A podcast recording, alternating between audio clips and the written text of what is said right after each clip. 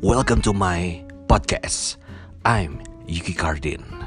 Di kisah bantal dan guling ini adalah obrolan nggak penting yang bikin boring, yang bikin ngantuk, yang akan menemani kamu sebelum tidur. Jadi cocok banget.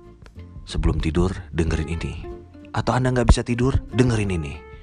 Kisah bantal dan guling yang diangkat dari sebuah kejadian sehari-hari, mulai dari percintaan, seks, astronomi, matematika, fisika, kimia, dan pelajaran UMPTN.